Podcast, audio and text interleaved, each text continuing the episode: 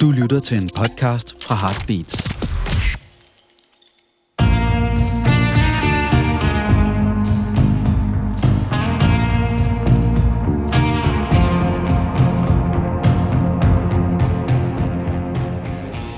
Ja, så er det, som vi plejer at sige, sørme blevet tid til endnu en gang rockhistorie. Hurra!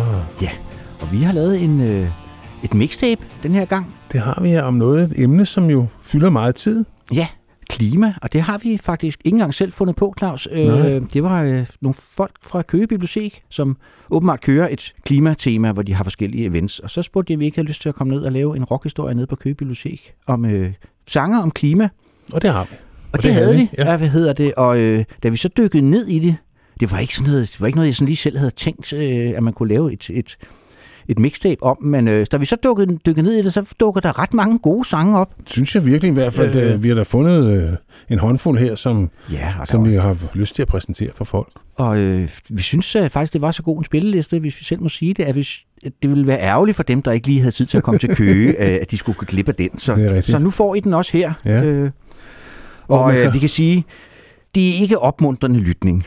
Nej, det er det jo. Altså på mange måder kan man sige, at øh, vi står, for at sige det på pænt dansk, i lort til knæene, og der er rigtig mange af de såkaldte magthavere, der siger, "Jamen, så må I holde jer for næsen. Ja. Det er, hvad de har Ja, problem, nej, problemet de siger jo faktisk en hel masse om, det skal de nok få gjort noget ved og så videre, men øh, indtil videre har de ikke gjort vi særlig meget. snakker jo lige om, at nu stiger prisen på offentlig transport, som er et af de steder, hvor man ligesom kunne sige, måske kunne man sænke prisen. Jeg har læst et sted, jeg kan ikke huske, om det er i Holland eller i Holland eller Norge. Det er også lige meget, det er jo stort set det samme. Ja. At øh, der betaler du 400 kroner om måneden, så kan du rejse i så tosset, du vil. Så hvis der sidder nogle politikere derude og lytter med, så synes vi, det er en rigtig god idé. Det er en super god idé. Ja. Ja. Altså fordi, jamen det er bare en god idé. Ja. Men altså, vi kan godt slå fast, at hele denne her misære har jo pågået i mange år, men det er faktisk i 1962, der kommer en bog af en kvindelig forsker, der hedder Rachel Carson. Hun skriver bogen Silent Spring. Hun er den første, der går ud og kigger på effekten af pesticider. Det der dengang hed DDT, som man smed overalt, dengang jeg var dreng, Ja, ja, ja. ja. altså rask væk. Og den bliver jo angrebet meget voldsomt øh, fra mange sider. Men den får altså også rigtig mange lyttere, og resulterer i, der bliver nedsat faktisk det første Environmental Agency i Amerika. Og der har vi jo europæere jo altid sådan, nå, hvis de synes, det er en god idé. Så må vi også hellere. Ja. Og øh, så er det jo gået slag i slag siden, og man kan sige, på den ene side, så har der været sindssygt mange tiltag, og på den anden side, så går det hele tiden den forkerte vej. ja. Go figure. Altså, der er jo selvfølgelig, en, skal vi ikke være rent der er jo nogle ting, der er blevet bedre. Jeg kan fx bade i, nede i havnen øh, ved Christianshavn. Det kunne jeg altså ikke, da jeg flyttede til København. for Nej, siden. altså, der hvor vi bor, der er rovfuglene jo kommet tilbage. ja. De døde jo af, at musene og alle de der smådyr spiste gift. Når så fuglene og det samme med uglerne, når de så spiste dyrene, så døde de jo af giften. Ja. Det er jo ja. faktisk logisk. Ja. Ja. Men vi starter tilbage med en af de mere militante 60'er-grupper. Ja, Jefferson Airplane, vi starter i San Francisco, og det er vel også en af de aller, aller første sange, som overhovedet adresserer øh, klimaforandringer. Altså før det egentlig var ligesom kommet på dagsordenen endnu, så Ja. ja. det må være det der LSD, hun har taget Grace Slick, der har givet hende en, en vision eller Ja, noget. jeg ved ikke, altså det er selvfølgelig nok, har man jo diskuteret det, man kan sige, på det her tidspunkt har den her diskussion jo pågået op gennem noget tid. Pladen fra 1969, den hedder Volunteers, og Men, men selv op til for ikke så mange år siden var der jo stadig de der klimafornægtere. Der er nogen, der husker ham. De Det var bare det, han hed Bjørn Lomborg, ham fjolset der. ja, ja, ja, ja jamen, han var statistiker. Ja. Ja. Han var ikke klimabenægter som sådan. Men vi skal tilbage til Jefferson Airplane. Jefferson Airplane i 1969, der har Deres de jo, femte album, Volunteers, for det er der, hvor de for alvor begynder at blive politiske. og 69, 68, 69 var jo også nogle år, hvor det gik hårdt til derovre med Vietnamkrigen og øh, Borgerrettighedsdemonstrationer. og Der var nok at være i opposition til. Ja. Klar. Og de lavede denne her plade, som hedder Volunteers. Den skulle hedde, have heddet Volunteers of America, men det var der sådan en organisation, der hed Volunteers of America, som opponerede mod. Så den kom bare til at hedde Volunteers. Det, det er faktisk det nummer, titelnummer, de spiller i Woodstock-filmen, hvis nogen har set den. Øh, og det er altså også den sidste plade med den klassiske Jefferson Airplane-besætning. Ja, Martin Balin og Spencer Dryden går ud efter den her Ja. plade. Og det bliver aldrig helt det samme igen. Nej. Så det er på mange måder en kulmination af, af det er også det første San Francisco-band, der får en pladekontrakt.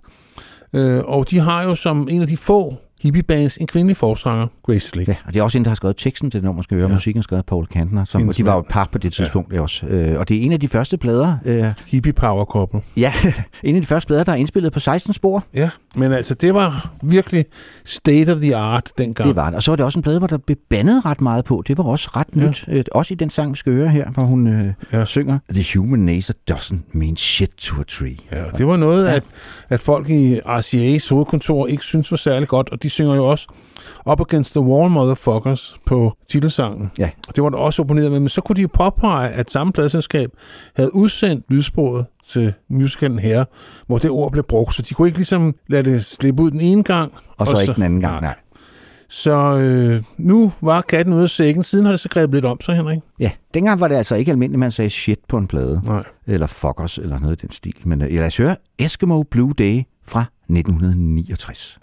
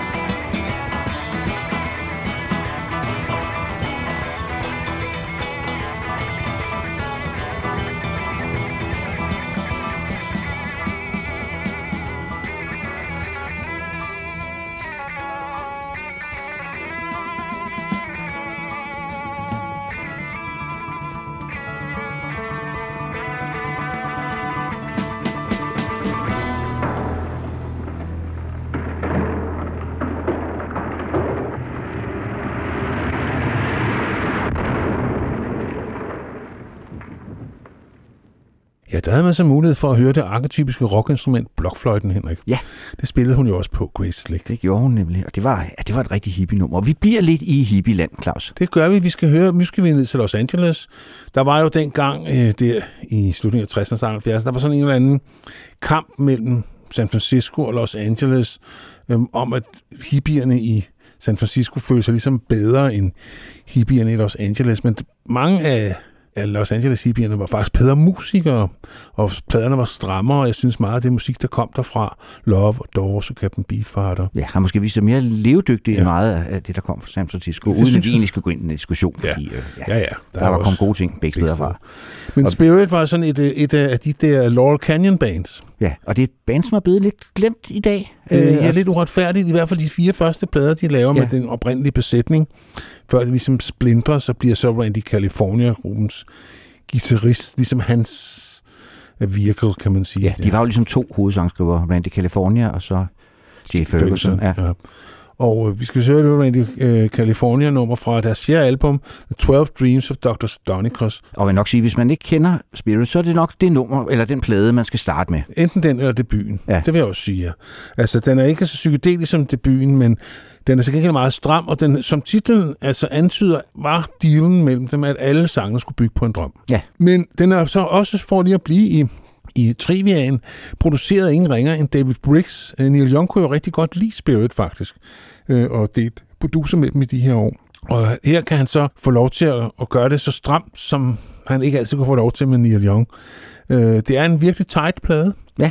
Øh, jeg købte den på udsalg i Bristol i sin tid øh, for 14,75. Ja, og en af fordelene ved, at de Just er lidt ukendte i dag, det er, at man faktisk stadig godt kan finde dem til, ikke til 14,75 længere, Nej. og heller ikke til en 100 kroner men man kan stadig finde spillepladerne til nogenlunde betalelige beløb. Ja, og de der fire første, som vi er inde på, de har alle sammen noget øh, at komme efter. Og Henrik har nok ret. Mesterværket er på mange måder øh, det her album. Efter Splinters gruppen, så øh, Jay Ferguson danner Jojo Gunn, jeg har aldrig rigtig dyrket dem. Det har jeg heller Jeg ikke. Men det er faktisk- en Randy California-komposition, skal køre. Ja. Han hedder jo egentlig Randy Craig Wolf. Det er Ja. faktisk Jimi Hendrix, som har døbt om Randy California, for han spillede Jimmy James and his Blue Flames, og der var to Randy'er, og det kunne han ikke rigtig arbejde med. Så den ene hed Randy California, og den anden hed Randy Texas.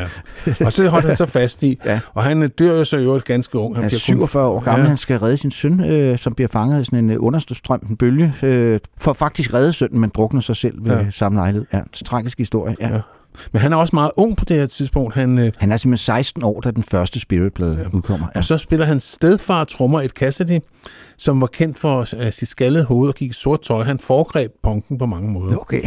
øh, må man sige. Og i øvrigt en dygtig trommeslager. Men det kan vi alle sammen høre nu. Og det er et virkelig øh, smertefuldt... Ja, Nature's Way hedder det. Ja. Det er et nummer, som jeg i øvrigt sådan tit kommet ind af via bagveje, fordi jeg var meget vild med et band, kan man ikke kalde det, men en konstellation, der hed This Mortal Coil, Ja. som var ham lederen Ivor Bats Russell fra 4AD, jeg tror, vi har nævnt dem før, som, Ja. som ligesom sådan samlede forskellige 4AD-kunstnere og fik dem til at indspille hans yndlingssange. Ja. Og så kæde sammen med sådan nogle instrumentalpassager. Der kom tre rigtig, rigtig gode plader. Den sidste af dem hed Blood, så kom i 1991. Og der var det her nummer på. Dem hører jeg stadigvæk jævnligt. Jamen, det de er også fine. Ja. Der er ikke noget at komme efter. Det er også en stemning, man kommer i på en eller anden Ja. mærkelig måde. Men lad os høre øh, Spirits egen version af Nature's Way, og den, ja, den giver ligesom lidt sig selv. Ja, og vi er i 1970.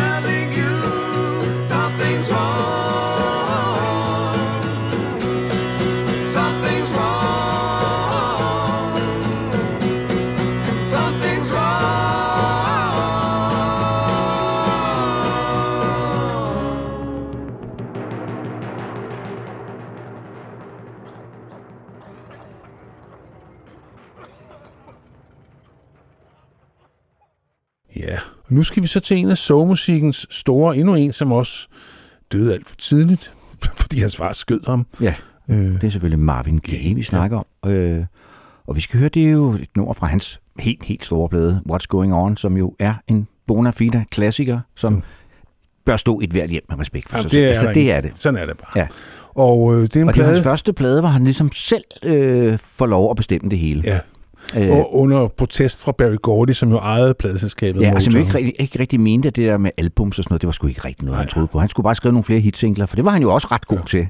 Men han laver faktisk en decideret konceptplade, som jo er en Vietnam-veteran, som kommer tilbage til USA og bare ser The State of the Nation, og det er han ikke særlig begejstret for, det han ser. Og han er inspireret af sin bror, som jo havde været i Vietnam, ja. Ja. som fortæller. Og, altså sådan en fyr, som kommer, fordi, netop fordi han har været væk nogle år, kommer hjem og ser det udefra, og det er der, hvor, som du allerede var inde på i forbindelse med Jefferson Airplane, at det er et land i oprør på det her tidspunkt. Ja. Ja. Vi befinder os i 1971, ikke? Ja. Og øh, især storbykernerne, altså der sker jo den store udflytning øh, til forstederne der i 40'erne, eller i 50'erne og 60'erne. Så bykernerne forfalder. Øh, New York var jo stemningsfuld, men også virkelig spooky i 70'erne, ja. hvis man rejste over. Ikke? Og det samme galt jo Chicago og Detroit især, hvor det her kom fra. Og på det tidspunkt, der er Barry Gordy jo ved at emigrere, flytte, flytte Motown ud til, Kalifornien. ja, til Los Angeles. Jeg tror, det her det er noget af det sidste, der blev indspillet i... Ja. Jamen, jeg, har, jeg har været i Detroit, øh, godt nok lidt senere end 1971, men der er altså sådan hele områder, hvor alle husene bare er tomme og sådan noget. Det var altså virkelig ret trøstesløst. Ja, det var også fordi bilindustrien, den har selvfølgelig stadigvæk haft ret meget øh, vind i sejlen her i 1971, men den blev jo fuldstændig nærmest udraderet, da japanerne kom på banen. Det gjorde den, ja. Og øh, han er, er så også ude med en sang, som rent faktisk hedder Mercy, Mercy Me, og så i, anførs, eller i parentes, The Ecology. Altså simpelthen økologien. Og det var et nyt begreb for mig dengang. Øh, altså, hvad fanden var det for noget? Ja, ikke? det var ikke, det var ikke, det var ikke sådan et ord, som var på, på alles læber. Nej, det var det ikke. Så det var sådan en sjov måde, og det er altså også en elegi over, udover nu snakker vi om bykerner, men altså også om, hvor gralt det stod til med naturen og, og så videre, så videre. Og altså, Marvin kan jo få en, altså en sten til at græde, ikke? Han Jo. er jo en af de største Og det er jo også gået hen og blevet en, en klassiker i kataloget, den her sang. Den blev også udsendt som single og blev, blev et hit Ja. øh, i sin tid. Var noget Og så kan man sige, hvor han tog røven på Barry Gordy, det var, at albummet blev et hit. Og så fandt Barry Gordy ud, at der er flere penge i albums, end der er i singler. Og så fik pipen en anden lyd. Men nok om det. Vi skal høre den med mesteren selv. Og, øh, ja, og så... Så, Så som lidt trivia, det kan vi jo godt lide. Så kan jeg fortælle, der er sådan en ret øh, sjov percussion-lyd på det her nummer. Ved du, hvordan den er lavet, Claus? Nej, ikke. Det er simpelthen en, der står øh, på sådan en trapblok og spiller med en gummihammer, Nå. og så er der en masse reverb på. Og så en lille, også trivia. Normalt er det jo James Jamerson, der spiller de berømte basgange. Og jeg har i mange år troet, det var ham, der spillede bassen her på. Men det er så faktisk en, der hedder Bob Babbitt. Ja. Så der kan man bare se, man tror, man tror. Men ellers er det The Funk Brothers, der Ja, det er det. backer ham op her. Smooth og lækkert. Og så, det er også, også en, en sørgelig sang. Ja, som du kan lide med. Ja. Mercy, Mercy Me, og så med undertitlen The Ecology.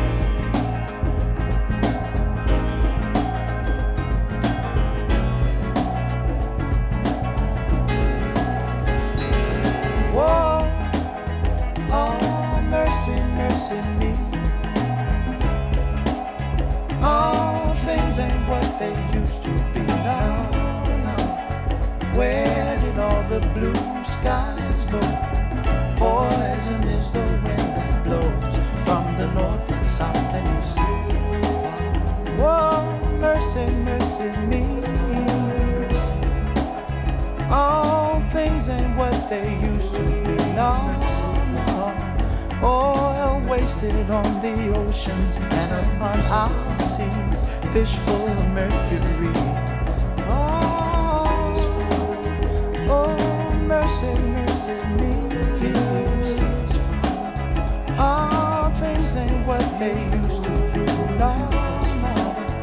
Radiation underground and in the. Animals and birds who live nearby are dying. Oh, mercy, mercy me. All things ain't what they used to be. What about this overcrowded land? How much more abuse from man Can't you stand?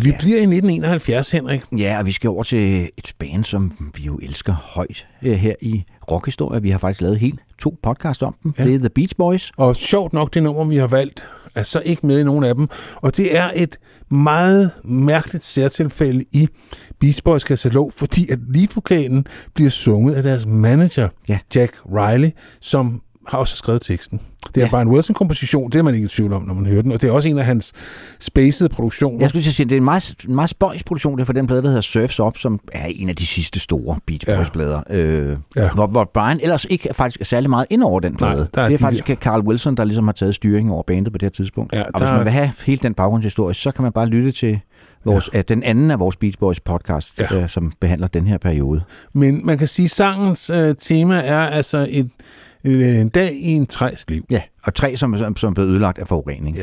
Der var jo også et andet, ø, ø, en anden økosang på den her plade, vi også kunne have taget, Don't Go Near the Water. Ja. Øh, Men øh, det her, den er alligevel lidt mærkeligere. ja. Jeg må indrømme igen, jeg har med skam og vel altid troet, det var Brian, der sang den. Så det Ja. var først, da jeg læste mig til, at det var Men, Jack. men når man så ved det, så kan man jo så sagtens kan man høre sagtens høre det. Ja. Men det lyder jo egentlig heller ikke som Brian, når man så lytter Nej, efter. det, jeg, jeg, jeg, jeg bøjer hovedet skam. Ja, han kunne ikke rigtig selv få hold på øh, vokalen, Brian, og så, og så lå de Jack synge vokalen nogle gange, og så på et tidspunkt så sagde Brian, "Jamen, der er den. Ja. Det er den, vi bruger. Det er selvom han egentlig ikke var sanger eller noget som helst. Men altså, Ja, det er godt nok. Ja, det er så et band med så mange gode sanger, Ja. og så ender manageren med at synge den. Det er sgu sært, ikke? Men øh, det gør den ikke dårligere. det gør den ikke. Det er sådan en, det, der hedder et deep cut, men dem kan vi jo godt lide. Det kan vi rigtig godt. A Day in the Life of Tree.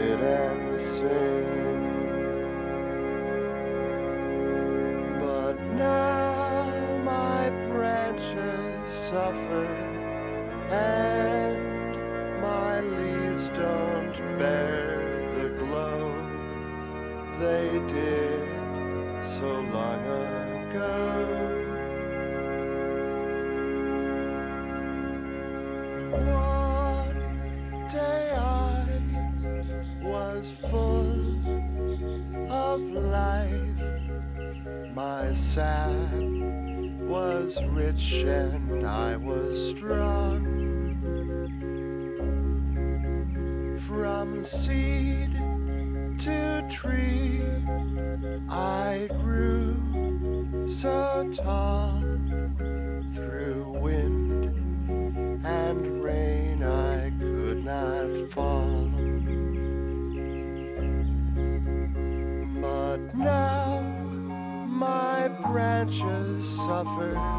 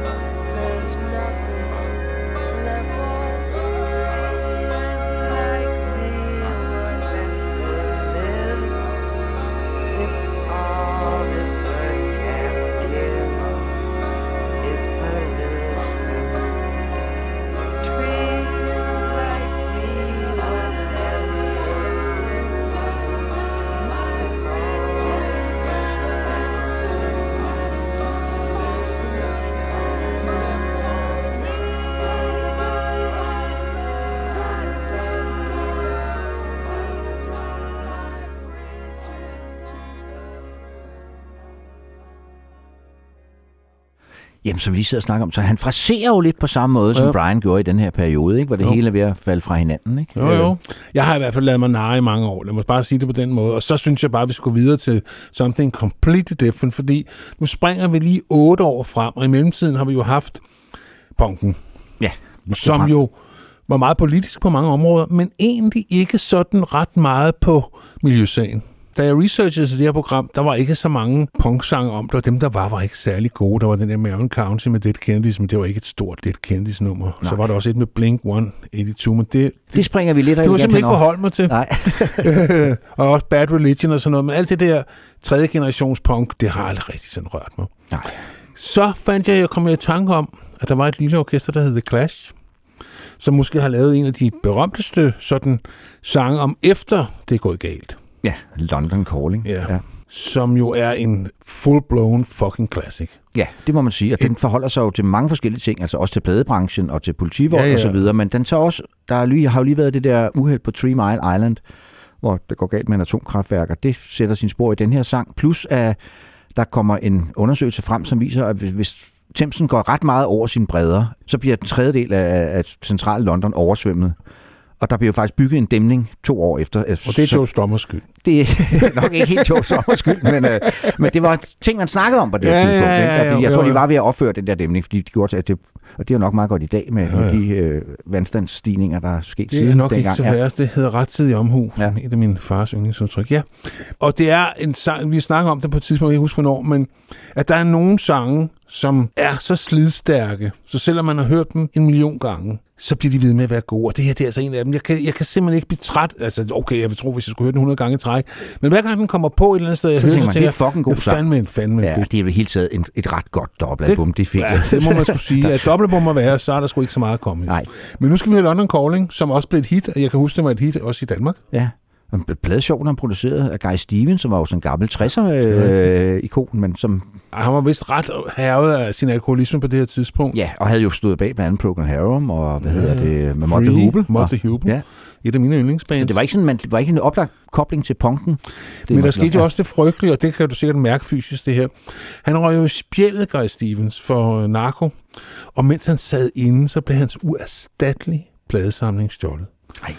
Jo, han havde jo den største soul- og R&B-samling i England. ja, han havde jo købt singlerne allerede der i slutningen, eller begyndelsen af 60'erne. Ja, ikke? ja, ja. Han, um, han var the man to go to, hvis du skulle have det. Altså Stones og Small Faces, de kom hjem og besøgte ham for at finde nye sange til deres repertoire. Ikke?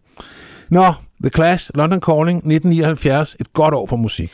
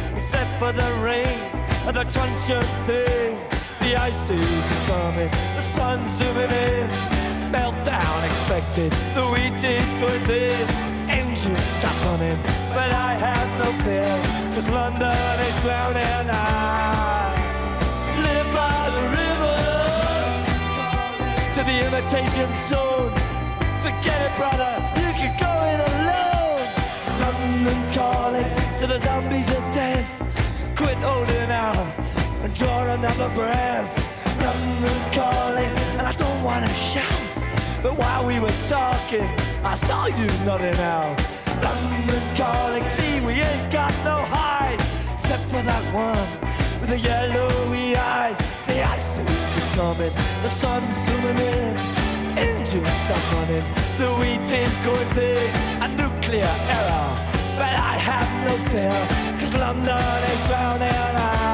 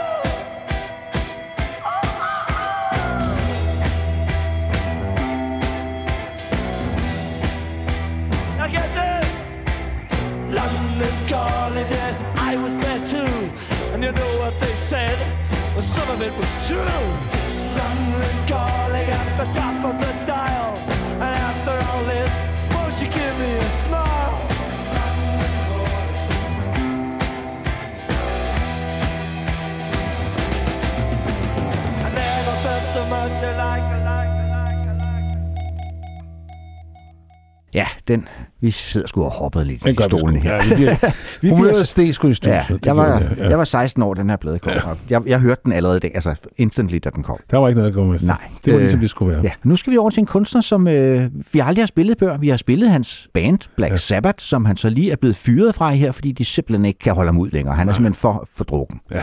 Øh, så han bliver fyret øh, og laver så øh, ja, sin første soloplade, som vi skal høre et nummer fra. Den hedder Ja. Blizzard of Us. Ja, og han møder jo, han er jo så heldig, kan man sige, at han møder et guitargeni, Randy Rhodes. Ja, som er med på de to første, også den efterfølgende Die of Madman, og så dør han bare Ja. ja. 25 år gammel, og det er sådan en ret tragisk historie.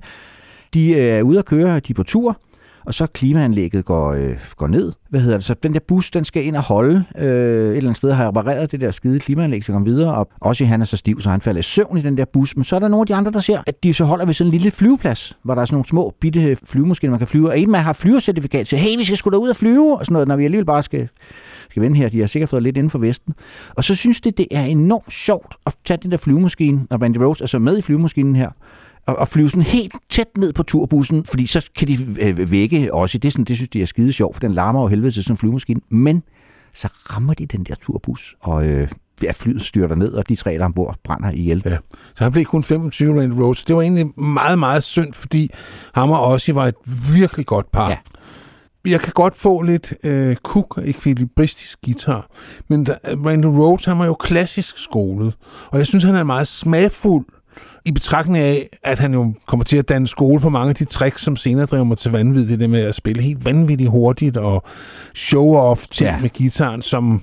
Ja, jeg har fået min dosis, lad mig bare sige det. Men det er et godt nummer, vi skal høre. Det hedder Revelation. Mother Earth, og det, øh, det bygger, Beth har, tager sine billeder fra Johannes åbenbaringen, så kom ikke her, altså Ja. hvor, hvor apokalypsen kommer, ikke? Ja. Øh, så det er med de helt store følelser. Og jeg synes, det er en god sang. Det er det også, og det var jo en plade i øvrigt, øh, Blizzard også, som vagte en del furore, fordi øh, der er et nummer på, der hedder Suicide, Suicide Solution. Solution, ja. ja hvor, der, hvor der var en ung mand, som begik selvmord, og han havde, ifølge sine forældre, havde han øh, Lyttet til den. lyttet til den her, øh, det nummer Suicide Solution inden, og så prøvede de ligesom at hænge også op på det der selvmord, øh, og jeg tror, der var tre retssager eller et eller andet, men altså han slap fri af dem alle sammen. Jamen, altså, man kan også sige... Det kan man jo ikke gøre ham Nej, altså, det kan man Og det var jo ligesom også, det var et andet slags selvmord snart, fordi en af linjerne går jo af, vin er fint nok, men whisky er hurtigere. Ikke? Så, Ja, men altså, du skal fandme drikke meget whisky. ja. Men her kommer Revelation, Mother Earth, og hvad år befinder vi i? Det er stadigvæk 1980, eller det er 1980, ja. præcis, Mother, please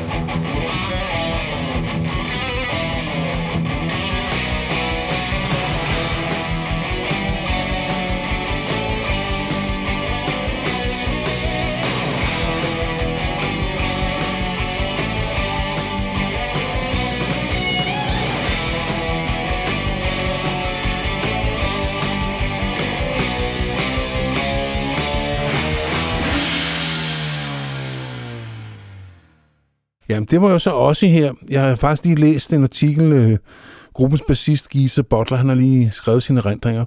Altså, også kom altså, virkelig forbunden af det engelske samfund. Øh, jeg tror faktisk, nok jeg vil sige, jeg vil kalde det fattigdom. Ja.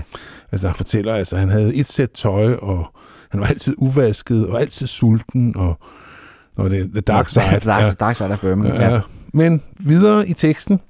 Vi skal Vi til et band, som vi øh, var rigtig vilde med, Ja, vi Henrik. hørte den her plade rigtig meget i Ja, det var 1986. sindssygt, ja, det vi. det er selvfølgelig R.E.M., vi snakker om, og nummer fra Life's Rich Pageant. Øh, Ja, hvor de ligesom skifter stil, ikke? Altså, jo, efter- de får Don Gieman, som er sådan, øh, kommer producer, ind over som producer, som har produceret uh, Hootie and the Blowfish og John dem. Mellencamp og sådan noget, i, som sådan lidt mere uh, straight uh, rock. Så de får også en mere straight rock-lyd her, Ja. ja. uden at miste deres indie-særkende. Nej, det er rigtigt.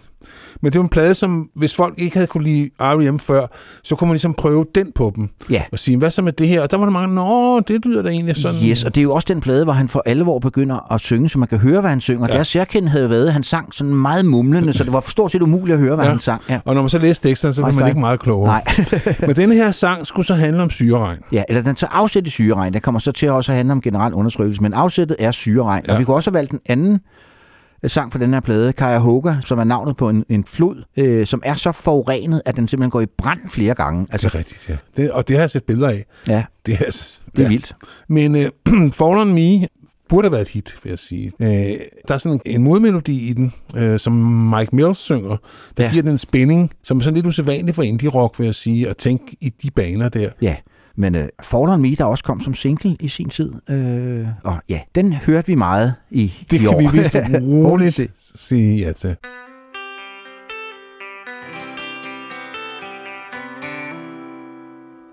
There's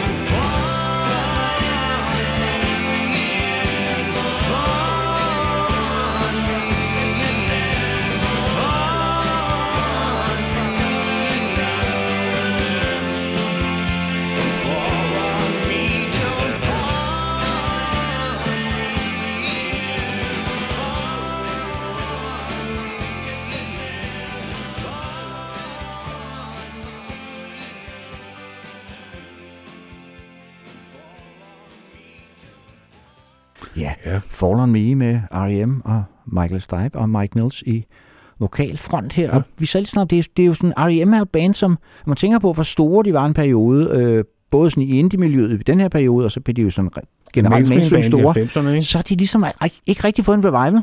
Klar. Nå, jeg tror, en af grundene tror jeg, at det er også, at altid, når de så man endelig hører dem, så er det altid Losing My Religion. Og så, altså, det er da et OK nu, altså heldigvis ikke Happy Shiny People, så Nej. man, men, men altså, det er altid den, de spiller, og jeg har det sådan, der er altså faktisk ret mange gode sanger at vælge imellem. Der er venner. virkelig mange gode sange. Øh, og der er også nogle af, nogle af deres, altså kan man sige, de 4-5 første plader er jo fuldstændig uantastelige. Altså, Fuldstændig. Ja, Men her er vi for, det var for Live with Space. Vi bliver i 86, og vi bliver hos en mand, som heller ikke rigtig måske øh, også, jeg ved ikke, om han er gået i glemmebogen, men man hører ham ikke ret tit, og han var meget stor i 80'erne. ja, men han er jo ikke gået mere igennem bogen, end han øh, har lige har spillet udsolgt i Royal Arena, så hvor det skulle have været pissegodt. Jamen, det er- Peter han er- Gabriel, vi ja. snakker om, ja. Ja. Hvad hedder det? Og øh, vi skal høre noget fra den plade, hvor han får sit store gennembrud. Jeg har jo især vild med de fire første, dem der bare hedder Peter Gabriel, Gabriel, hvor fire, han ja. stadigvæk befinder sig inden for artrocken, kan vi sige. Ikke? Ja. Den her, der bliver han mere mainstream. Så, Han jamen, får- han, han, øh, nu vil han lave en soulplade. Det var Ja. det, han sagde dengang. Og han får et kæmpe hit med det nummer, der hedder Sledgehammer. Ja, som også har sådan en meget ikonisk video til. Det var dengang en video jo kunne sælge et, en, et, Ja, ja. en plade. Og det var sådan, at man snakker, har du ikke set den nye video med Peter Gabriel, så Ja. var man ligesom taber. Ikke? Nå, men vi skal høre nummeret Red Rain fra So, øh, han, som Henrik rigtig siger, hans gennembrudsalb, eller mainstream gennembrud. Ja, han havde jo også været stor i bandet Genesis. Øh, ja må ikke. men, men de der fire første soloplader var jo sådan nogle, altså det var ikke undergrundsplader, men det, det var jo heller ikke noget, der røg ud til mainstream publikum. De var stadigvæk lidt for skæve. Og man kan også høre på den her plade, og det kan man også høre på øh, den percussion, der er øh, på det nummer her, vi skal høre, Red Rain, hvor der var hele to trommeslager, hvor den ene er Stuart Copeland fra Police, som spiller den der hi-hat. Hi-hat, ja. Øh, øh, hvad hedder det? Han er meget optaget af afrikansk musik, og det bliver jo Ja. bliver jo ham på mange måder, der præsenterer det, vi i dag kalder lidt mærkeligt verdensmusik. Ja. Øh, fordi han simpelthen laver et pladeselskab, som udsender rigtig mange af Real de her World. Real Ja. World, ikke? Som ja. jeg faktisk har nogle gode ting på Ja. også. Det er helt rigtigt, øh, og også gør en stor indsats for, hvad hedder det, Amnesty International, og i det hele taget er aktivist på mange måder. Øh, men øh, det er sådan lidt tvetydig tekst, altså den kan tolkes som lidt af hvert, altså ligesom Fall on Me, der både kan tolkes på et personligt plan og på et globalt plan, så sammen med Red Rain, det er igen det der med, at det handler om atom... Øh, Ja, det er atomregnen, der kommer. Altså, Ja. atom, så bliver den jo, ryger den jo op i atmosfæren, øh, og så bliver den ligesom båret, og så falder den ned som regn et andet sted. Ja. Det skulle så efter sigende være sort regn, den falder ned som man, Red Ja, Rain er måske et bedre billede. Ja. Ja. Det er i hvert fald en sang, som jeg husker meget tydeligt, som fyldte meget, og det var sådan en, jeg tit havde med på mine mixtapes. Øh, så so, so much for that, Henrik.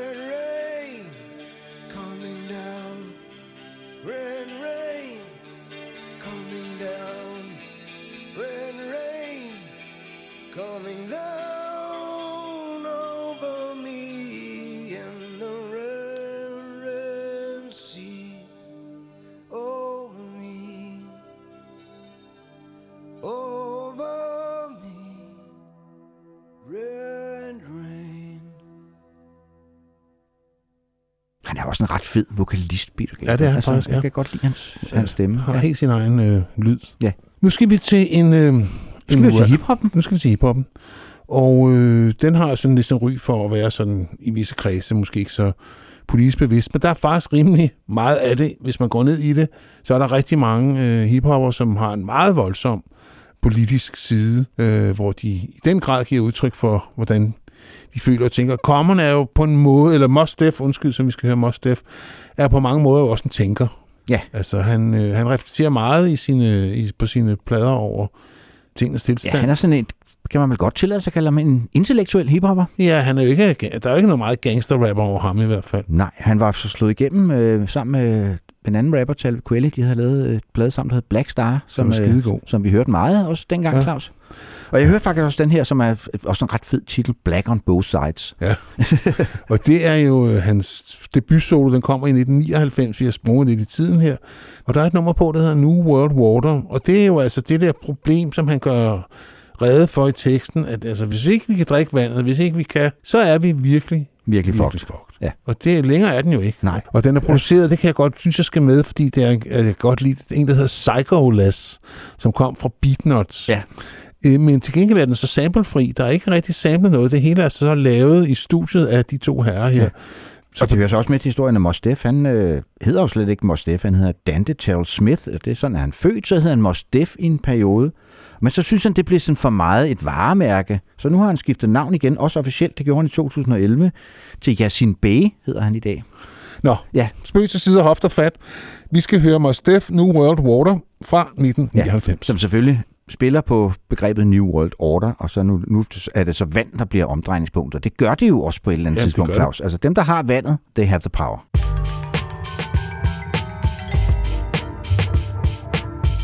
There's nothing more refreshing than having a clear, crisp, clean glass of water on a warm summer's day. That cool, refreshing drink.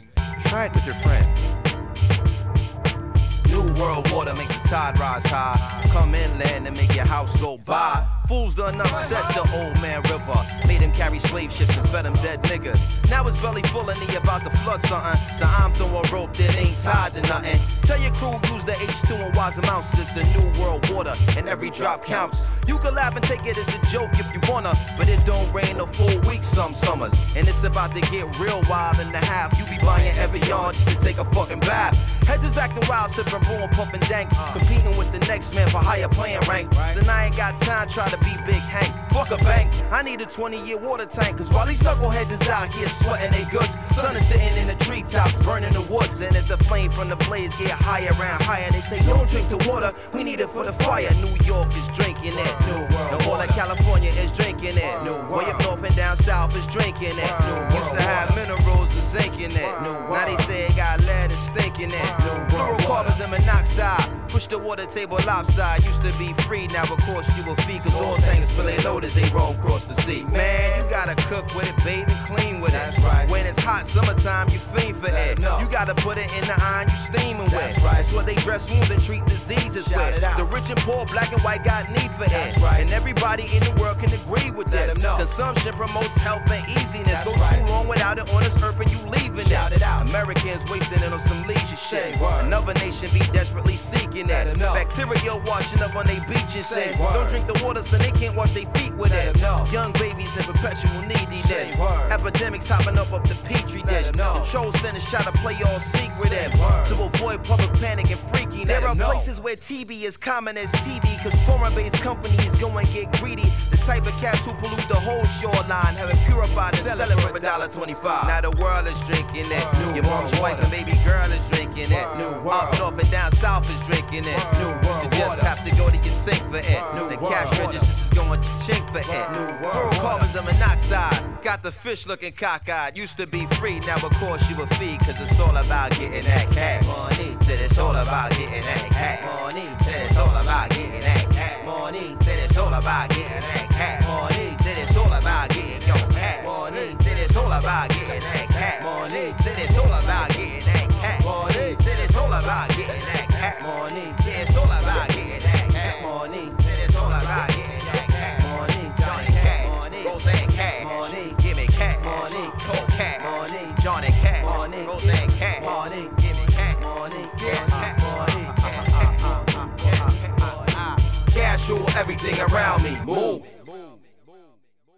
Nå, men Musikpolitiet lukker også en gang med et af vores programmer ned af årsager, vi aldrig kan gennemskue. Men vi ved, at vi skal holde os for Joni Mitchell og Neil Young. Kort af det lange forlagt, det er jo, de ligger ikke på Spotify, så hvis vi propper dem på Spotify, øh, hvad vi jo gør, fordi vores podcast kommer ud på Spotify, hvis der er så en eller anden robot, der fanger det, så bliver programmet pillet ned, og det er vi blevet lidt trætte af.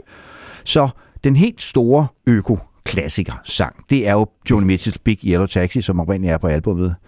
Øh, Clouds. Øh, nej, øh, øh, Ladies from the Canyon, Canyon, ja. den kom i 1970. Hvor historien bag er jo, hun er på tur i Hawaii, og så kommer hun ind på et hotel, hvor hun tjekker ind om aftenen, og så står hun op om morgenen og river gardiner til side, og så langt ude i horisonten, der kan hun se sådan nogle smukke grønne bjerge der, øh, som der er mange af på Hawaii, men så kigger hun så ned, og så er der simpelthen bare en parkeringsplads så langt øjet rækker. Parkeringsplads for helvede. Ja, og der sætter hun sig så ned og skriver den her sang.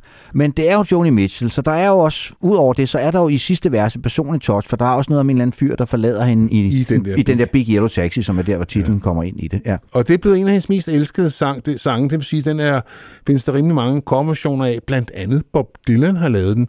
Men et hitversion, jeg faktisk godt kunne lide med den, det var i starten af det her nærværende årtusind, et band, der hed Counting Crows, som lavede den til en film, der hed Two Weeks Notice, øh, med Hugh Grant og Sandra Bullock. Og det er sikkert lige så slemt, som det lyder.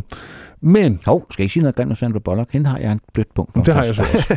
Og Jeg har faktisk også Hugh Grant. Jeg ved ikke, hvorfor jeg sagde det. Undskyld, undskyld, undskyld. Men, øh, men jeg tror ikke, den er særlig god. Det er bare et hunch, jeg har. Øh, Counting Crows, de har så Vanessa Carlson med på et ret øh, effektivt kor her. Og øh, ja, der er ikke så meget at sige om det andet, end at øh, det er en god coverversion af en god sang, som, øh, ja, som, som må repræsentere øh, Joni Mitchell i denne her udgave af Rockhistorie. Ja, og året er som sagt 2002.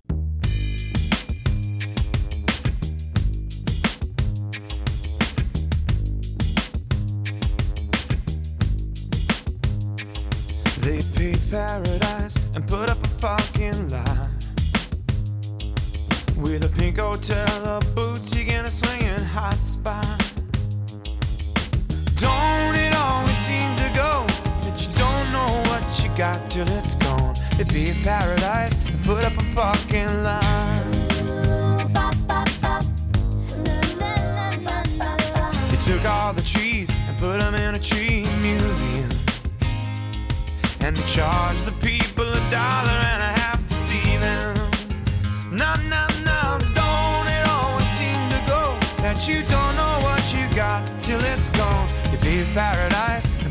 put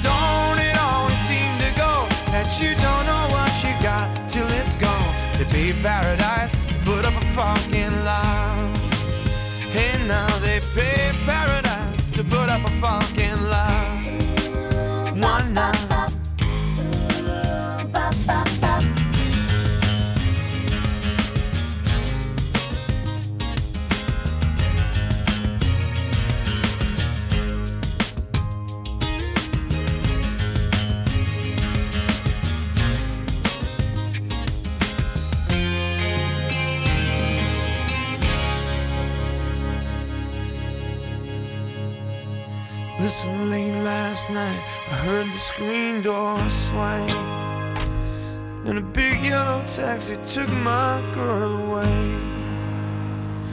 Now don't it always seem to go that you don't know what you got till it's gone? To be paradise, put up a parking lot. Hey, nah, nah, don't it always seem to go that you don't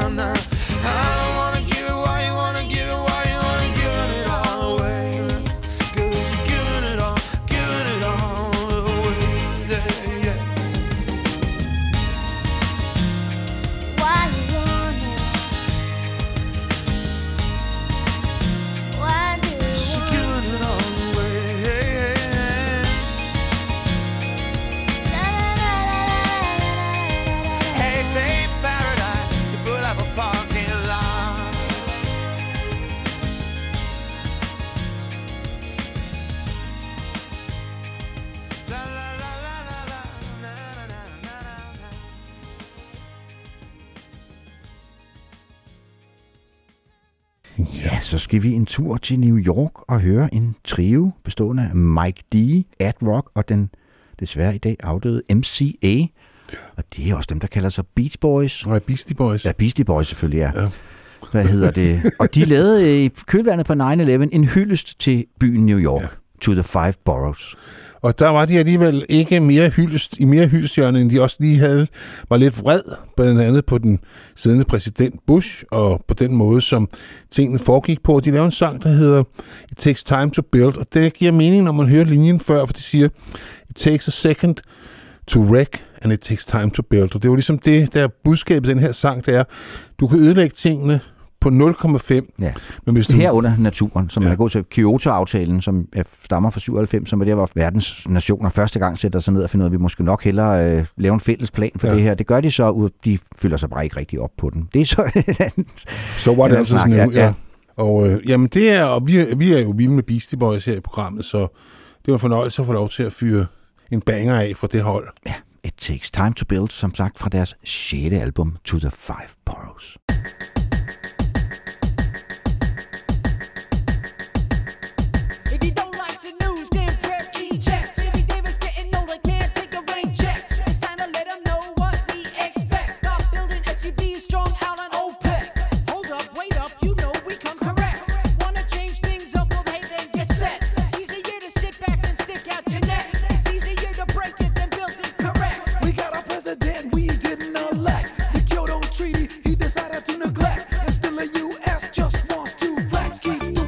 up, we gonna break. Take a second to I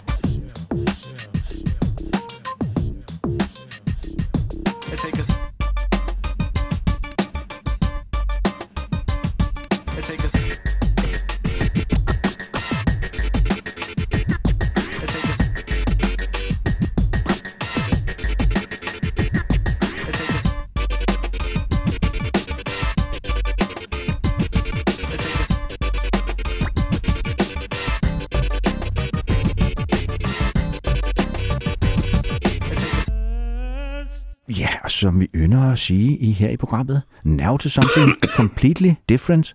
Og det er jo, vi behøver ikke gentage historien øh, Nej. om Joni Mitchell, men det er jo det samme, der gør sig gældende med Neil Young. Så der har vi, det var svært, når vi skal have sange om klima og miljø og så videre, at komme udenom After the Gold Rush, titelsangen fra hans album, der hedder After the Gold Rush. Ja, Fra, også fra 1970. ja. Og øh, ja, vi skal så høre en version med Katie Lang. Hymns of the 49th Parallel, som Ja. var en, øh, en plade, hvor hun kun fortolkede kanadiske sangskrivere. Ja. Og hun er jo en, en helt fabelagtig sangerinde, som både kan trykke den af og lægge sig tilbage. Og her lægger hun sig tilbage. Ja, begge værter er store Katie Lang-fans. Det Ja. kan vi, Jamen, jeg har kan vi set, godt lægge hun er Ja. skøn i koncert. Ja. Jeg har set hende flere gange. Hun er en fed på en scene. Og det er jo sådan en sjov øh, sang her øh, efter et Gold Rush, som ligesom falder i tre vers, og derfor også tre tidsperioder. Først er der noget med nogle folk, der har hvad hedder sådan noget, rustninger på og så videre. Øh, og det, jeg tolker det som, det er dengang øh, spanierne kommer til Kalifornien og begynder at ødelægge lortet med deres jagt på guld. Så er der et midtervers, som er Neil fortæller en sang selv, som ligger i en øh, kælder og så videre, og ja, Mother Nature's on the Run in the 1970's giver sig selv.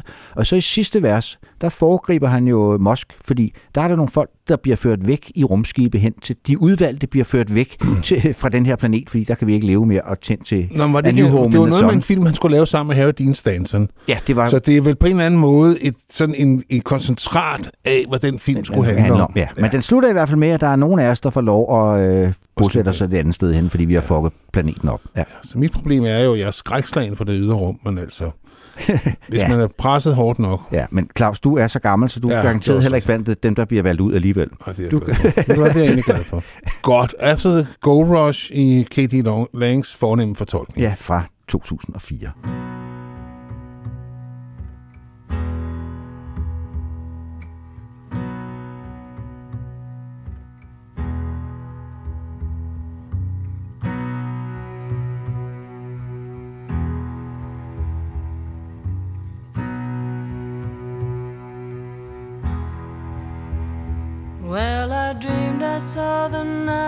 Knights in armor come and saying something about a queen.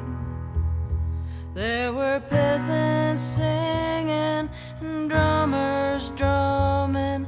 The archer split the tree. A fanfare blowing to the sun that was floating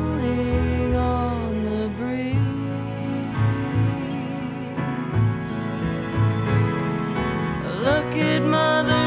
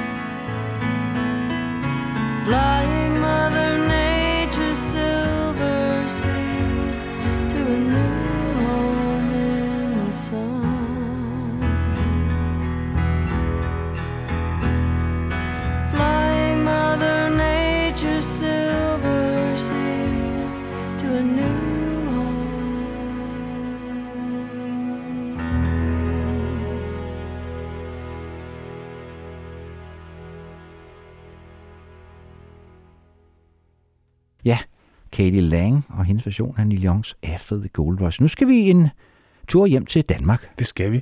Vi skal høre Kenneth Thordal fra hans andet album, øh, Skåret ud i pap, som kom i 2005, hvor han har en sang, som på mange måder jo passer meget godt til det her program. Ja, jorden går under i morgen, som den altid har gjort. Ja. den er ret sjov, for det er jo sådan en med, hvor der, ja, jorden går under, men vi skal stadigvæk også vaske vores tøj, og du ved, der dagligdagen skal stadigvæk også fungere. Det spiller han lidt på de der, Ja, ja. Øh, altså både apokalypsen og samtidig, ja, ja, vi ved det godt, men altså, vi er også nødt til at få vores liv Ja, til vi at skal lige fungere. betale ikke? husleje først. Ja. Ja. Kan det ikke lige vente til efter den første? Ja, altså, han er det hele tiden en ret finurlig ja. tekstforfatter. Og så synes jeg, han, øh, det er en, en, en, en smuk øh, vokalpræstation, han leverer her. Han synger virkelig igennem, og det er jo så øh, en producer, som, som faktisk var meget stor i 80'erne, som han hævde frem til formålet dengang Finn Fairvolt. Ja. Og den slutter også som, som om, at Pandemonium lige er om hjørnet. Den er meget straight ind til slutningen. Så går der sådan lidt anarki i det hele, og så tænker man, nå, nu er det nok jorden. Ja. Og han jo også skrevet teksten sammen med en anden glimrende tekstforfatter, Niels Torp. Ja. Som Så- jo fra Souvenirs, og ja, sådan hænger alting sammen, som vi plejer at sige. Det gør det. Men øh, ja, Kenneth Sordal med det munter budskab, jorden går under i morgen.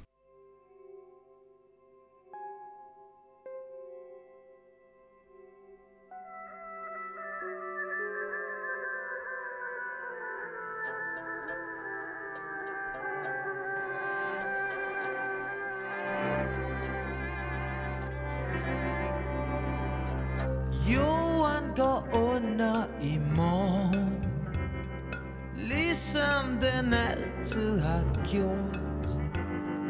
Gud har sagt op Søgt et nyt job. Nu må vi styre skibet selv. Togene kører Hundene gør. Vinden og tiden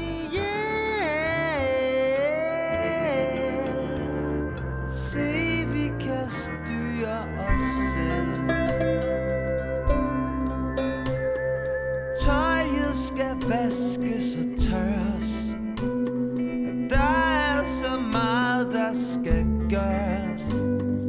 Gylden skal spredes Valerne reddes. Sjatterne skal drikkes op. Haven skal lus Fedtet skal sus. Tiden skal nynnes ihjel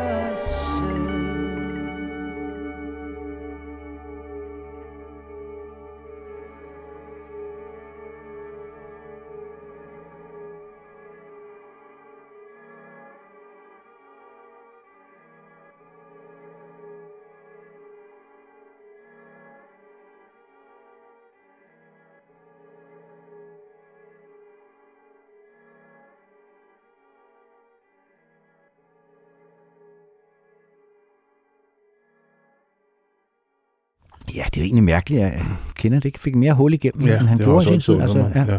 Fordi især, den her plade, som- hans anden plade, det er der, hvor han for alvor som træder i karakter. Ja. Den er klart bedre end den første, Ja, synes jeg. helt klart. Ja. Altså, det var her, hvor han ligesom fik lov til at folde sig ud. Men altså, nu er han jo mest blevet teatermand med årene, og det er jo, kan man sige, vores tab. Øh, man mener selvfølgelig, at man går i teateret, men det er Ja. så dyrt, Henrik. Ja. Det har vi jo ikke råd til. I må støtte os noget mere derude, så vi kan komme i teateret, ikke? Ja. men nu skal vi over nu til... skal det blive rigtig lystigt. Ja, nu skal vi høre Thom York fra Radiohead selvfølgelig. Øh, det skal så høre et nummer fra hans første soloplade. The Eraser. Ja, Som som, faktisk- er lavet i, i, i tæt samarbejde med Nigel Goodrich, som jo også producerede Radiohead, så det er jo ikke fordi, vi befinder os vanvittigt langt væk fra Og for at det ikke skal så være løgn, så for at, ligesom at spare besværet med at, at hente samling ud af byen, så sampler han jo Radiohead. De samplinger, de benytter, er jo, det her nummer bygger på The Gloaming fra Hail to the Thief, øh, albumet, der kom i 2003. Så, så behøver han jo ikke at clear dem. Nej, Så, så, så sådan kan man også gøre det. Man kan simpelthen sample sig selv, Henrik. det Øh, er jo ret smart. Ja, det er smart. Og det er jo ret, når man så hører The Erasers, er det jo ret sjovt at tænke på, at det her album, det er faktisk nummer to i Amerika og nummer tre i England Ja, ja, på hitlisten. Altså, fordi det er jo ikke Det er jeg også spekuleret over. Ja, men det, det er Radiohead-effekten, tror jeg. Altså, Ja. ja. den der, jeg tror så, hvis man så kigger ind og kigger tallene efter, Så, det nok så den ikke- nok, ligger den nok ikke så længe på hitlisten. Altså, det, der var ikke nogen, altså, der er ikke nogen hits på The Eraser som sådan. Og det er en meget dyster, i det hele taget, en meget, det er en plade, der meget kredser omkring øh, miljøkatastrofen, kan man Ja, sige. og det er klimaforandringer, vi skal høre om her. Han hedder Rained All Night. Det er også en plade, som øh, han selv har sagt, det er en plade, der er designet til at blive hørt i et lukket rum, det vil sige i hovedtelefoner eller i en bil, mens man sidder fast i en trafikkø. Ja, Ja, det har jeg sgu hørt meget musik. Ja. Øh, og øh, And It Rained All Night, ja, det siger næsten sig selv. Altså, det regner, og det regner, og det regner, og det regner. Og det ser ikke ud til det med stop i den her sang. nej. Så, så kan vi lære det.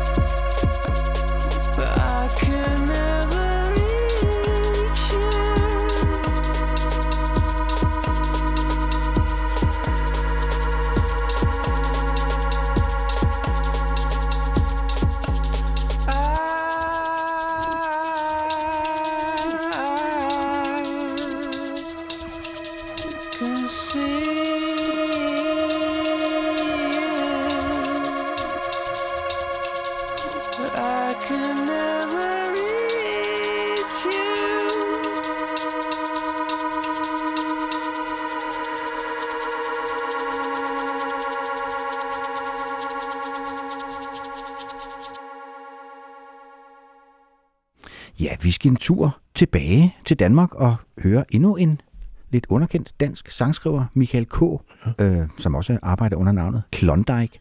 Øh, og der fik jeg før vrøvlet mig frem til, at øh, Jorden går der i morgen, altså Kenneth Thordal var skrevet sammen med Niels Top. Det er jo ikke rigtigt. Det er jo selvfølgelig Michael K., der har arbejdet sammen med den gode Niels. Omkring det nummer, der hedder Fra Bagdad til Ground Zero. Ja. De holder jo begge til, til over i de jyske. Nordjyske Ja. ja. med, så ved man godt, hvad klokken er slået. Ja. Øh, ja, det gør de, og øh, de har arbejdet sammen før. Jeg kan huske, den første souvenirsplade, der kom, der var Michael med på nogle af numrene. Før han overhovedet slog igennem. Han slog igennem med den plade, der hed, så den ikke Guldfeber, tror jeg, den hed. Jo. Eller Guld, tror jeg bare, den hed. Den var skidegod. Jeg var fan fra day one, og han, han holder sgu standarden, men har aldrig rigtig heller fået det der gennembrud. Nej. Men modsat kendt bliver han jo så bare ved. Ja. Og øh, det her det er fra hans andet album, Verdensmand, som kom i 2006. Og jamen, det er jo en sang, der falder ind for, samtidig med, at han ligesom, ligesom Kenneth kommer lidt rundt omkring, altså livet, det var det, vi også snakkede om i starten af programmet, ja, altså miljøkatastrofen truer, men man skal stadigvæk leve sit liv og tjene sine penge og have tre måltider om dagen. Og, Ja, det bliver måske, men, men, men det, er, det er også en, en, en sang, der ligesom tager temperaturen på, kan man sige, klodens tilstand fra ja. Bagdad til Ground Zero. Og året er 2006.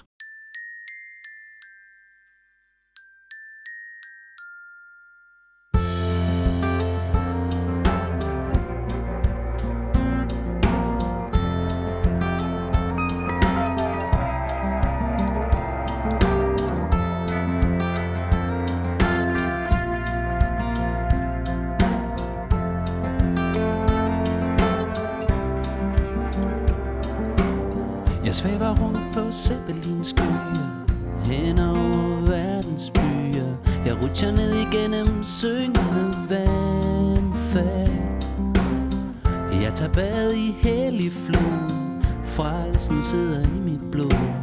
Jeg danser rundt i bjergene til Lamabal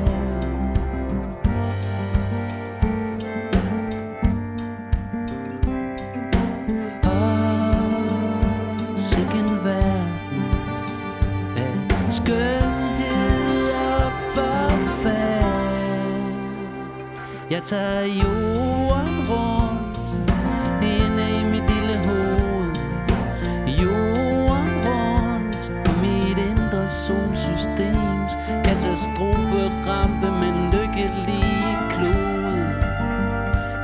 danses dommedags bolero. Jorden rundt fra Bagdad til Ground Zero.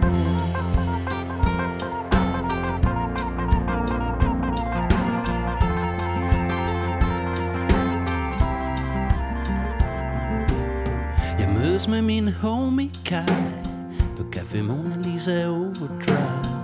Han kommer lige fra Kastrup med sit happen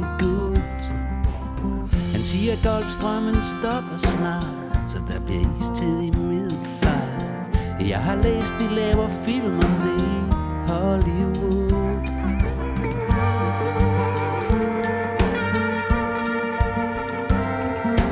Åh, sikken verden Hvornår er det slut? Jeg tager jorden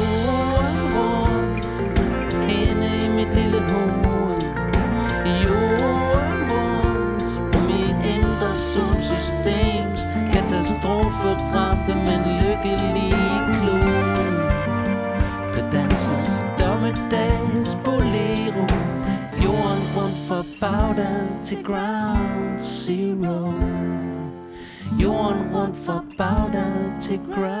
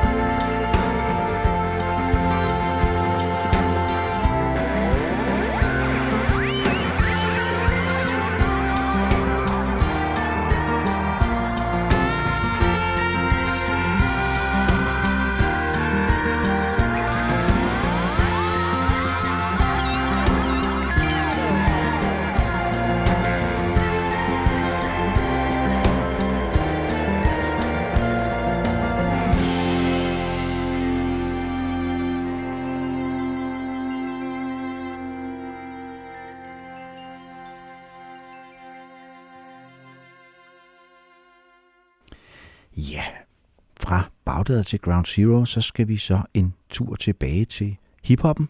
Ja, vi skal, Vi skal høre Common, og så i selskab med en hel masse andre, Claus.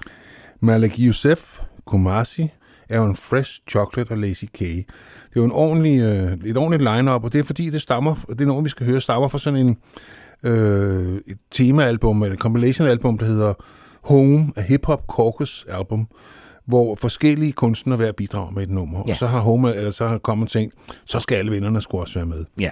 Og Hip Hop Caucus, det er sådan en ja, NGO-organisation, kan man godt sige, som ved hjælp af hiphop og kunst og det hele taget vil, vil gøre unge mennesker øh, Bevidst. opmærk, bevidste, politisk bevidste. Ja, og det er Og og også alle, for- alle numrene på i- pladen handler om noget politisk. Ja, og også for eksempel få dem til at gå ned og registrere sig som, som øh, vælgere og alt sådan noget, som man jo skal gøre i USA. Men også gøre dem opmærksom på miljøproblemer og alle mulige andre ja. ting. Og det er en nobel kors, som man siger, ikke? Ja, Det kan vi umuligt... Øh, have noget imod. Ja. Og så ja. er det så også en ret god sang. Og så er kommet, nu sagde du mig, Steff for en intellektuel hiphopper, det er kommet jo på mange måder også. Ja, der er ikke meget. Han er, der er heller ikke meget gangster. Øh, Nej, det er der ikke. gangster Nej, rap over det ikke. Nej. Og nu sagde du så før, at og Steff hedder, han hedder jo så i virkeligheden Lonnie Rashid Linde.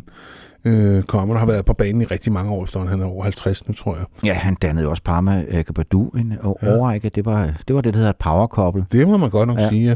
Jeg kan huske, jeg så engang en koncert med Common på, på Grøn Scene, øh, eller Arena, som det hedder nu, øh, på Roskilde Festival. Og dengang man som anmelder, der kunne man komme op og stå på siden. Ja. Kan du huske det? Ja, men jeg der tror, vi var inde og se det sammen der, ja. Der kom Erika Badu og satte sig på sådan stolen på sådan, der kom sådan to hærde brede Ja, ja. øh, sorte fyre med Jo. hende, du ved, sådan, og der kunne man, altså, det var, det var sådan royal presence, altså det var, hun, hun radiated udstråling, altså det var helt vildt, jamen, altså. Jamen, jeg, har, jeg har været Ja. ja. til sådan en meet and greet med hende, ja. og der er noget sådan aristokratisk ja. Ja. på en eller anden mærkelig måde. Men uh, Trouble in the Water hedder nummeret, så det siger jo næsten sig selv. Vi er ude i det samme tema som uh, New World Water, altså ja. at uh, jamen, forgift I bare vandet, og så se, hvad der sker. Og der er sådan lidt gospel over det der kor, der hele tiden synger Trouble in the Water, uh, så den, den er sådan lidt historiebevidst også, kan man sige. Ja, og hvornår er det, den er fra? Den er fra 2014. 2014, så vi begynder at Ja, ja, vi nærme os, jo nutiden Ja. med rystelsen. Problemerne bliver jo heller ikke mindre. Ja. Nej.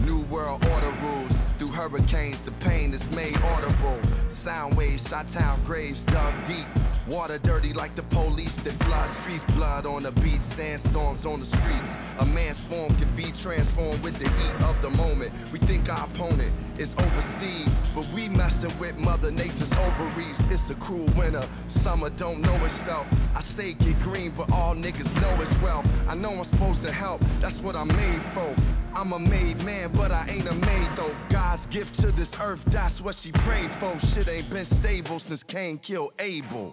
Trouble in the water. Trouble in the water. Children. Trouble in the water. Trouble in the water. Children. Trouble in the water. Trouble in the water. Children. Trouble in the water. In the was the word, and then he made water. Then he made man, and then came the slaughter, slaughter, slaughter. Everything was peaceful till you showed up on the land of other people. Contaminate the ocean, now the water is lethal. Four bucks for two liters, that should be illegal. Amigo, Evo, Contigo, can't even find Nemo. The water used to be see-through, wish weapons was food, then we all be feared. I wish narcotics was fruit, I got them apples in red, the nemesis since Genesis. When the water starts to kill the fish, that's when you know how ill it is. Still it is, they do the unthinkable. Water same color as tea, that's still deemed drinkable. Survival of the fit, how we was brought up, but never taught us prepare for world, world water. It's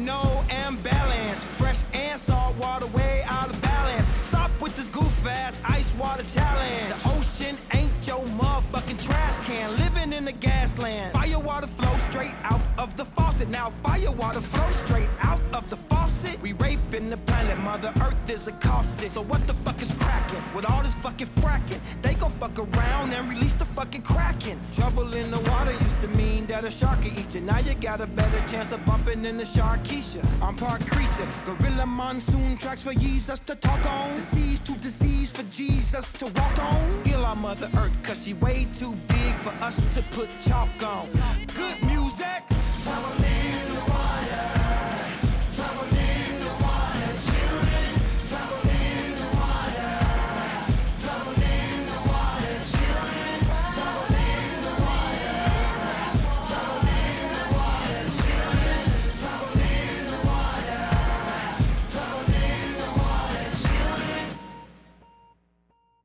Ja, vi bliver i hiphoppen, og vi skal høre et af de, i hvert fald hvis man er så gammel som Claus og jeg, et af de lidt yngre hiphop-navne, og et af de mere interessante af slagsen, Childish Childish Gambino. som jo også er kendt som som skuespiller, især hvis man øh, ser amerikanske serier. Øh, jeg er ikke så bekendt med, med, med, med de serier, han har været med i, men han har været meget aktiv også som idémager og så videre under navnet Donald Glover. Det er jo hans borgerlige navn, kan man sige. Men han er også sanger og hiphop, og det her nummer, vi skal høre nu, Like Sommer, der synger han faktisk, og jeg vil sige, han kan sin Marvin Gaye. Ja, og han har øvrigt arbejdet sammen med, og det kan han gøre i rigtig mange tilfælde med den svenske producer, Ludvig Göransson, ja. som jo er et af the hot shit over there, altså Ja. øh, er med på rigtig mange øh, store ting. Og så har han lavet en skide sjov video til det her nummer, som giver den et, en, en ekstra dimension, fordi det er, jo en, det er jo også en sang om klimaforandringer ja. og så videre, ikke?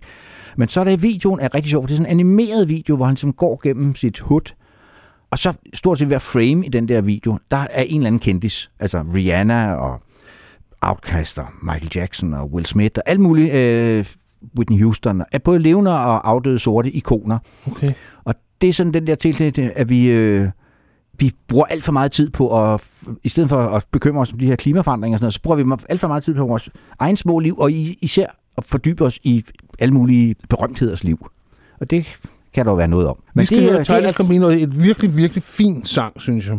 Feels Like Summer. Altså, han synger virkelig, virkelig fedt.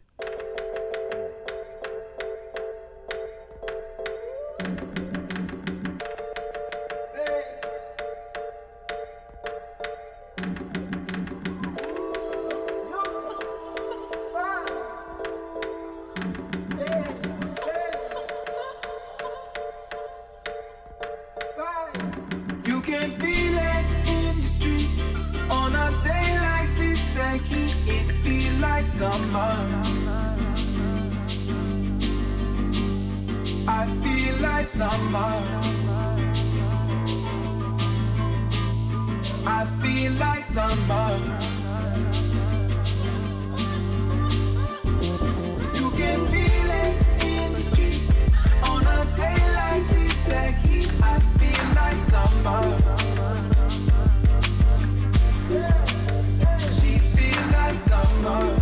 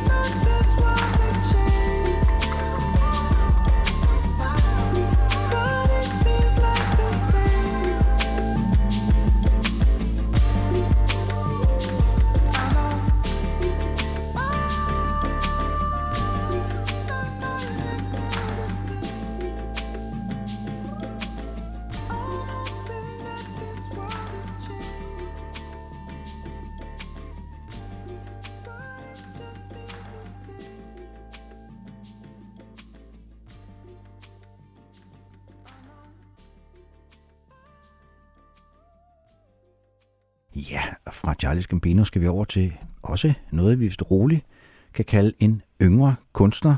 Det er Billie Eilish. Hun var simpelthen 17 år, da debutalbummet When We Fall Asleep, Where Do We Go kom i 2019. Ja, lavet i selskab med hendes bror, som alle hendes ting er, og Ja. optaget hjemme i, i, i studiet i Highland Park i Los Angeles, hjemme i soveværelset. Ja. med en, Svært kan det være. Hvor svært kan det være? Hvis i hvert fald man skriver så gode sange, som de gør, så behøver det ikke være svære. Vi skal høre All the Good Girls Go to Hell, øh, som jo har flere lag i sig, fordi ja. den har jo blandt andet øh, også noget om, hun synes, det er sjovere at være i helvede. Hun er i himlen og vil hellere være nede i helvede, fordi Lucifer, han mangler ved selskab og så videre. Jo, ikke? jo. Øh, Men samtidig er der så også et, et lag i den, hvor øh, Gud og djævlen snakker sammen og sidder og kigger ned på planeten og tænker, hvad fanden har de gang i? altså, Ja. ja. Og det kan man jo egentlig Ja. ikke fortænke dem i. Nej. Altså, det er jo ikke, fordi vi ikke har fået en masse øh, godt givet. Vi er bare ikke så gode til De har bare fucket op, ja. Og det, det kan både Gud og djævlen blive enige om, og, og, og også blive enige om, at, at de gider ikke rigtig blande sig. Det må vi simpelthen selv ikke råde med. Så vi skal ikke, uh, ifølge Billie Eilish skal vi ikke regne med, at Gud han kommer og hjælper os. Guds fingre Eller- udbliver. Ja. Og uh, ja, vi skal høre ja, Ja, de nummeret All the Good Girls Go to Hell, og det var uh, single nummer 6 ud af de syv, der kom fra det album her, Claus. Uh, Ja. Og det er også bare en pissegod plade. Vi har jo før udtrykt vores meget store beundring og begejstring for Billie Eilish, og det gør vi da gerne igen. Ikke kommer smålige. Nej.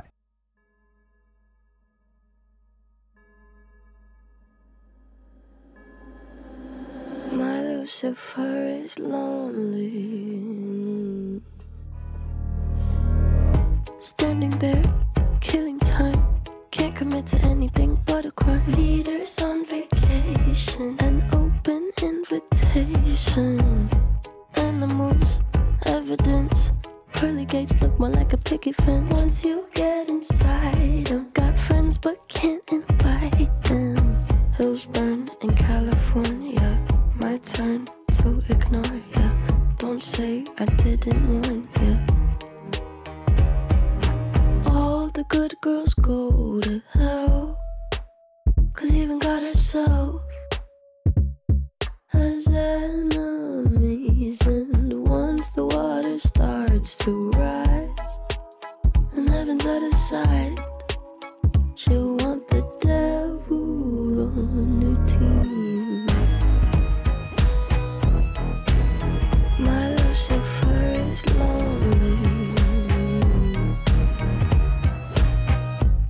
Look at you, needing me.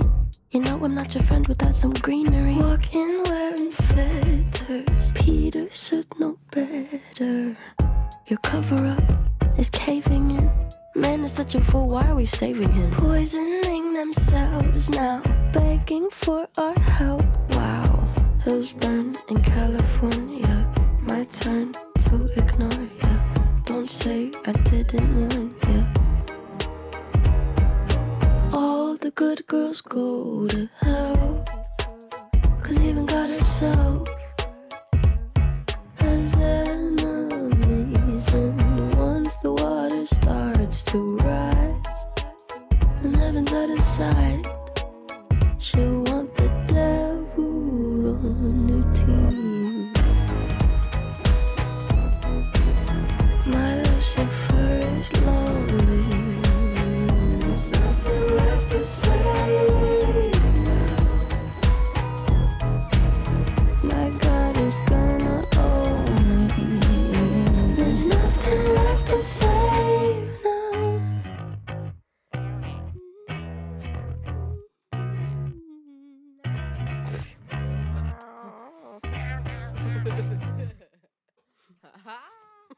I cannot do this snowflake. Ja, fra Billie Eilish, så skal vi en tur lidt længere nordpå. Vi skal til Canada og høre ja. uh, Tamara Lindemann, som hun hedder. Man arbejder under navnet The Weather Station, og vi skal høre et nummer fra deres, eller hendes, uh, femte album, Ignorance, som var der, hvor, hvor Tyrion for alvor faldt med mig og Weather Også mig, Station. ja. altså, det, Det var, det, var, jeg det, jeg var helt vild med den plade, da den kom, og havde ikke rigtig lyttet så meget til de andre. Jeg var godt klar over, at de var derude, og så Ja, videre, ja. Men, men det var ikke noget, jeg sådan havde havde nærlyttet til. Men den her plade, den hørte jeg altså rigtig meget, da den kom. Øh, Jeg i, tror godt, man kan kalde det for et kunstners gennembrud. Ja, i 2021. Jeg tror også, vi havde den på vores liste, da vi, øh, Det er jeg ret sikker på. da vi ja. lavede de bedste plader for 2021. Ellers er det i hvert fald en fejl. Ja.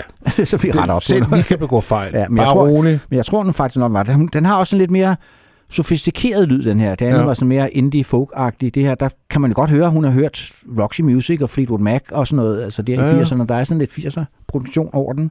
Og det er et helt album, som... Øh, ja, og det er måske ikke så mærkeligt, når med bandet hedder Weather Station, altså Ignorant, som, som er temaalbum om klimaforandring. Ja. Alle sangene handler på den ene eller den anden måde om, om, om klimaet og klodens trælse tilstand. Og det nummer, vi har valgt, Atlantic, det er jo et, et nummer, der tager fat på et, en, også et vigtigt aspekt af den her øh, debat. Det er jo den der hjælpeløshed, vi alle sammen føler. Hvad fanden kan vi egentlig gøre? Fordi dem, der egentlig skal gøre noget, de gør ikke noget. Og vi andre kan selvfølgelig godt og det gør vi også. Ja, ja. Øh, ellers skal vi skamme og Affald, ja, og du ved, økologisk. økologisk og alle de der små ting, som den der forbrugermagt, men, men det rykker jo ikke rigtigt ved noget. Altså, altså, det er klart, hvis alle forbrugere gjorde det, så ville det rykke lidt. Men jeg har også læst et sted, at for eksempel med vand, altså i forhold til, hvad industrien bruger af vand, så kunne du godt lade din hane køre 24 timer. Altså, vi kan slet, slet, slet ikke. Det er ikke os, altså, der bruger ressourcerne på den måde. Nej, nej. Altså, Hvad er det? Altså, jeg, jeg, jeg må ikke hænge mig op på tallet, men jeg tror, det er sådan noget med 30.000 liter vand, der går til at lave en enkelt fucking t-shirt eller sådan noget. Altså, det er sådan helt absurd. Altså, ja. Nå, men i hvert fald en, øh, endnu et stærkt udsagn fra endnu en kunstner, som er ked af, at det er, ser ud, som det gør. Weather Station Atlantic for Ignorance 2021.